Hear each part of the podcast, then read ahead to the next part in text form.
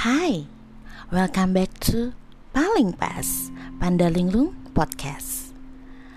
Spesial malam kali ini, gue nggak tahu kenapa tiba-tiba tengah malam kepengen podcast aja, walaupun gue belum nyiapin materi. Tapi akhirnya gue nemuin satu cerita yang lumayan seru dan cerita ini tuh nyata kisah nyata dari seseorang yang menarik. Menurut gue ini menarik. Gue baru pertama kali baca sedetail ini dan gue pikir ini worth it banget untuk di-share ke kalian. Oke, tanpa berlama-lama lagi, kita mulai aja.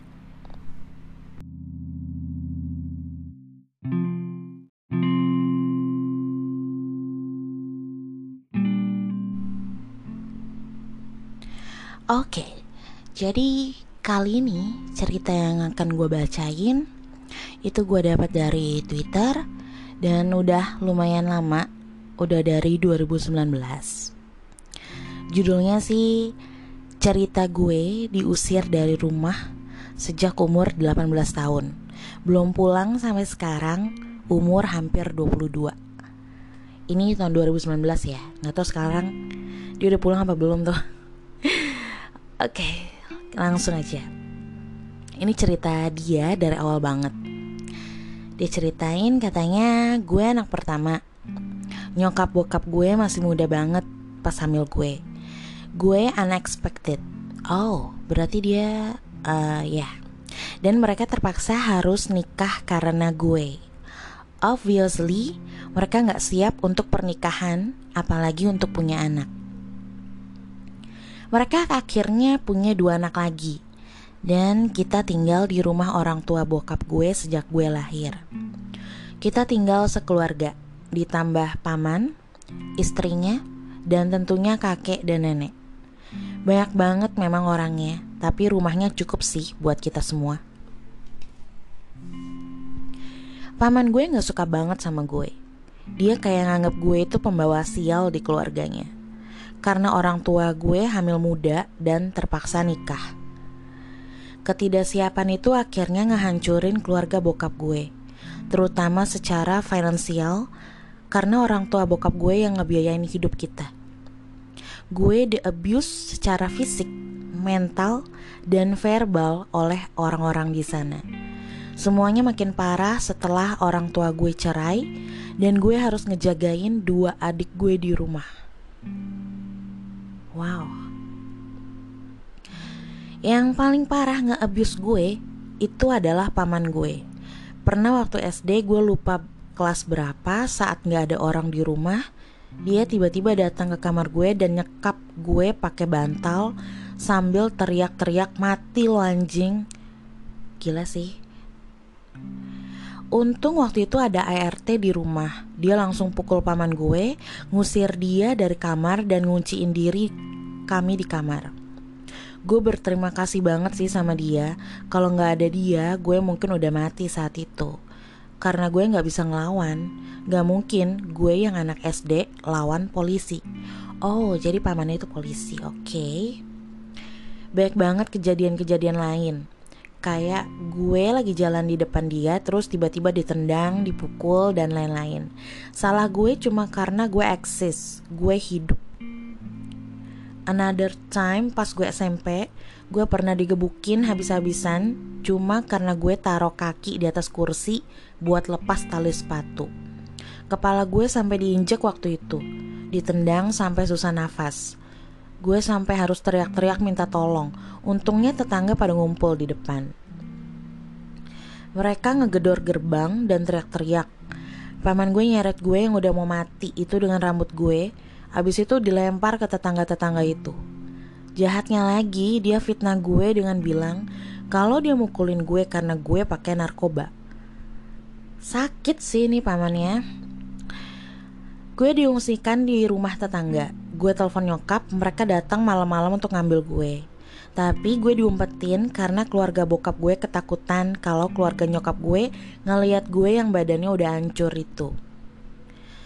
Beberapa hari kemudian gue balik lagi ke rumah walaupun masih trauma parah secara fisik dan psikis. Gue ngadu sama guru di sekolah. Tapi mereka cuma bilang, coba kamu introspeksi diri, siapa tahu kamu yang salah. Plus, gue diketawain sama teman-teman di kelas karena gue digebukin. Anggota keluarga gue yang lain di sisi bokap juga nggak ada yang ngebelain gue. Nenek gue bilang, syukurin tuh nyusahin aja sih jadi orang. Bokap gue nggak bilang apa-apa karena habis cerai gue nggak pernah ngobrol lagi sih sama dia sama sekali sampai hampir lima tahunan walau serumah. Gimana ya ngejelasinnya perasaan gue saat itu? Ngerasa nggak aman walaupun di rumah sendiri. Tiap pulang tuh bawaannya down aja semuanya tambah complicated saat puber SMP akhir gue sadar gue nggak suka cewek gue sukanya cowok. Wow. Benci banget waktu itu sama diri sendiri. Lama banget kayaknya gue waktu itu gue mendem perasaan gue. Gue bahkan sempat pacaran sama cewek buat ngebohongin diri sendiri dan orang lain. Singkat cerita, gue ketahuan punya pacar cowok. Dan bokap gue waktu itu lagi di fase hijrah. Sampai ngedengerin musik atau majang foto keluarga pun kita nggak dibolehin. Gue mau dipesantrenin waktu itu. Tapi gue ancam bakal bunuh diri kalau gue masuk pesantren. Akhirnya, we just don't talk about it anymore. Tapi kehidupan gue makin di limit. Gue jerawatan aja nggak boleh pakai obat jerawat karena takut gue jadi homo maksimum kali. Gue tambah ngerasa terasingkan sih di rumah dan gue mulai sering sah percobaan bunuh diri dong Wow, gue inget pernah malam-malam abis nangis seharian gak mau keluar kamar. Gue ke toilet lewat dapur dan ambil pisau. Terus gue taruh pisaunya di lengan, siap buat motong. Tapi terdiam aja di situ lama. Gak sadar, ternyata gue udah berjam-jam di sana sampai azan subuh. Pas umur gue 18, paman gue mau ngegebukin gue lagi gue berasa kayak punchback aja di sana. Kalau ada yang stres atau marah dikit, gue ini gebukin. Gue ngelawan dan akhirnya gue diusir. Jujur, waktu itu walaupun gue bingung mau ke mana dan deg-degan, tapi gue juga ngerasa lega akhirnya gue udah gak harus tinggal di sana. Gue pikir kalaupun gue gagal dan mati di jalan, itu lebih baik daripada nungguin mati karena gue digebukin di rumah gue sendiri. Gue telepon temen pas gue beresin semua baju gue Dan akhirnya datang bawa mobil Dan ngebantuin angkat sekitar 5 tas berisi baju gue semua. Gue gak bawa uang sama sekali Ataupun dokumen apa pun. Sama temen gue ini Gue diantar ke rumah pendeta Gue tinggal di, di sana sekitar 2 bulan Rasanya gak enak nyusahin orang lain lama-lama Akhirnya gue pindah Pindah-pindah numpang di rumah temen saat itu gue gak bisa kerja karena gue gak ada dokumen apa pun. Benar-benar saat itu gue ngerasain gimana rasanya jadi gelandangan. Gue udah lelah banget di titik itu. Makan cuma bisa seadanya aja yang disajin di rumah temen. Gue mikir terus-terusan tiap hari. Gimana caranya biar gue bisa survive hari ini tanpa ngerepotin orang lain. Dan gue akhirnya jual diri. Gue masuk ke dunia prostitusi. Sebenarnya ini bukan pilihan gue, melainkan keadaan. Gue juga gak bangga akan chapter ini di hidup gue, tapi semuanya itu lebih baik daripada kelaparan dan tidur jalan. Well, setelah semua itu, gue akhirnya punya pacar dan mutusin buat tinggal bareng. Lega banget rasanya bisa tidur dengan tenang tanpa takut mikirin mau makan apa lagi besok atau mau pindah ke mana lagi. Walaupun gue trauma dengan banyak hal, kadang masih suka tiba-tiba nangis sendiri. Keluarga bokap gue juga sebenarnya udah nggak apa-apa kalau gue balik dan terus tinggal di sana. Tapi gimana ya? Gue pernah nengok adik gue di sana. Terus gue dengar paman gue jalan ke arah gue. Gue sampai harus lari ke kamar karena gue setrauma itu. Tapi Beberapa tahun ini gue coba belajar SBMPTN untuk masuk kuliah dan bahagianya gue diterima di PTN di Jakarta. Kuliahnya sambil gue nyambi kerja di beberapa tempat karena gue suka kerja di bidang sosial dan sekalian lah buat nambah-nambah uang makan. Gue gak akan mungkin bisa ada di titik ini tanpa semua temen yang bersedia gue repotin dan selalu ngasih gue opportunity buat gue berkembang. Jujur, gue bangga banget sih sama diri gue sendiri. Bisa ngelewatin itu semua dan bisa survive sampai sekarang. Gue berusaha mau sebisa mungkin bekerja untuk menyelamatkan orang-orang kayak gue dulu. Gue mau pay it forward ke orang lain. Rasanya kayak surga aja saat orang lain ngejulurin tangan buat ngebantu kita saat kita lagi di titik paling rendah dalam hidup kita. Gue harap gak akan ada lagi gua-gua yang lainnya Dan jika ada, gue harap kita ada di situ untuk menyelamatkannya. Gue masih ada di sini adalah bukti bahwa masih banyak orang baik yang peduli. Semoga treat ini dapat menginspirasi dan membantu orang-orang lain di luar sana Cerita yang wow Dan memang pengalaman dari teman-teman gue pun yang paling sulit adalah jujur ke keluarga sendiri.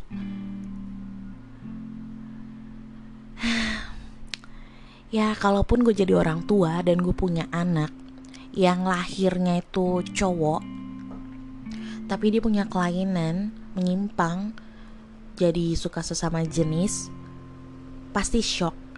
Orang tua mana sih nggak yang nggak shock? Mau si orang tuanya itu udah ter terbuka banget gitu pikirannya tapi pertama pasti shock karena dari lahir dan bertahun-tahun di gedein gitu dirawat dia itu cowok dan akhirnya sampai pada satu titik si anak itu menyadari kalau misalnya dia itu menyimpang dan itu pasti akan geger banget itu satu keluarga. Tapi ya lebih baik terbuka lebih baik lu jujur. Dan si anaknya juga jadi lebih plong gitu kan. Kisah yang benar-benar ya akhirnya kita tahu ya realita orang yang menyimpang yang akhirnya penyuka sesama jenis itu ya nggak mudah gitu tuh gue sendiri pun kalau misalnya gue punya temen dan dia itu menyimpang gitu ya penyuka sesama jenis gue sebenarnya sih nggak masalah. Asal orang itu lurus-lurus aja maksudnya lurus ya emang dia udah belok sih ya tapi maksudnya lurus di sini tuh dia nggak ganggu-ganggu gue gitu tuh. Misalnya misalnya ada si cewek yang dia lesbian dan akhirnya dia tuh mulai nyikut-nyikut gue untuk masuk juga ikut masuk gitu tuh. Nah kalau kayak gitu kan berarti udah ngusik ya dan udah sedikit ada pemaksaan dan risih aja. Nah iya iya risih. Maksud gue risih. Nah itu tuh gak enak banget. Jadi selama gue punya teman kayak mereka ya gue it's okay fine. Gue sama ratakan dengan teman-teman gue yang lainnya. Malah kadang sebenarnya mereka tuh asik kok. Cuma kadang ini kadang ya dari pengalaman gue sendiri cowok yang agak-agak belok itu dia lebih gonjang ganjing gitu. Maksudnya karakternya itu udah agak setengah mirip cewek gitu kan. Jadi lebih baper lah kemudian lah gitu tuh. Nah yang kayak gitunya agak agak risih sih di situ. Gua aja sebenarnya tuh males gitu ketemu cewek yang karakternya kayak gitu. Apalagi ini cowok cuma ya setengah cowok setengah cewek sih ya. Jadi bisa dimaklumin. Ya pokoknya jangan sampai ngusik gua dan bikin gua risih gitu tuh. Selebihnya sih gue masih fair lah sama kayak yang lain. Dan itu kadang asik-asik aja kok gitu tuh. Malah kadang waktu itu gue punya pengalaman gue jalan sama temen gue gitu kan yang suka cowok juga dan dia cowok. Dan kita tuh ngeliat kayak papasan gitu ada cowok cakep gitu kan. Terus kita akhirnya kayak berebut gitu. Itu punya gue itu punya gue dan akhirnya ya jadi ngelawak aja gitu ya buat seru-seruan. Dan dia kan kadang tuh orangnya lebih nggak tahu malu gitu kan lebih asik aja lebih rame aja gitu anaknya. Dan itu sih yang seru. Pokoknya balik lagi asal si orang itu nggak ngusik nggak bikin risih nggak ngajak-ngajak gue untuk ngikut dia juga masih ya sekadar teman aja dan masih lucu-lucuan seru-seruan itu it's okay. Gak ada masalah sih gue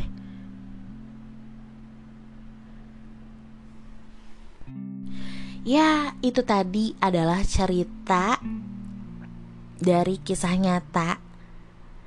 Si uh, itulah ya gue nggak mau nyebutin nama. Pokoknya ini cerita nyata dari Twitter yang mungkin bisa menginspirasi kita.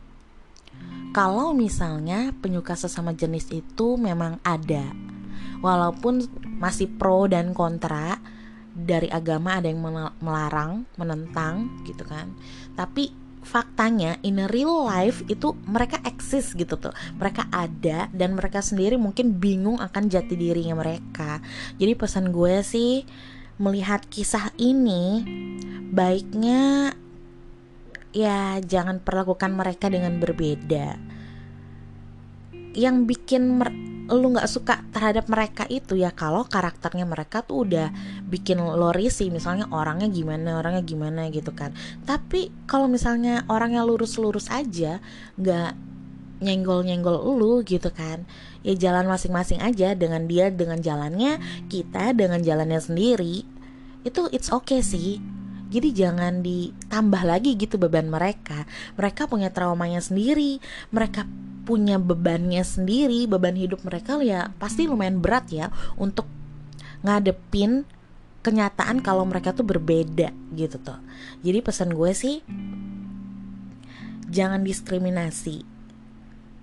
Kalau misalnya tuh orang nggak ngusik lo nggak bikin lo risih ya udah perlakukan mereka sama dengan yang lain gitu kisah yang tadi tuh cukup membuat kita terbayang ya. Kalau misalnya kita ada di keluarganya si dia ini kita bakal gimana? Dan kalau misalnya kita jadi dia itu bakal gimana juga? Jadi ya ambil titik terangnya aja buat kita pembelajaran dan semoga kisah ini bisa jadi inspirasi buat kalian semua. Dan makin terbuka ya untuk kaum kaum LGBT LGBT ya ampun keselimbat mungkin gue udah lelah oke? Jadi segitu aja podcast dadakan kali ini ya dan stay tune terus di paling pas Pandalenglung Podcast. Bye.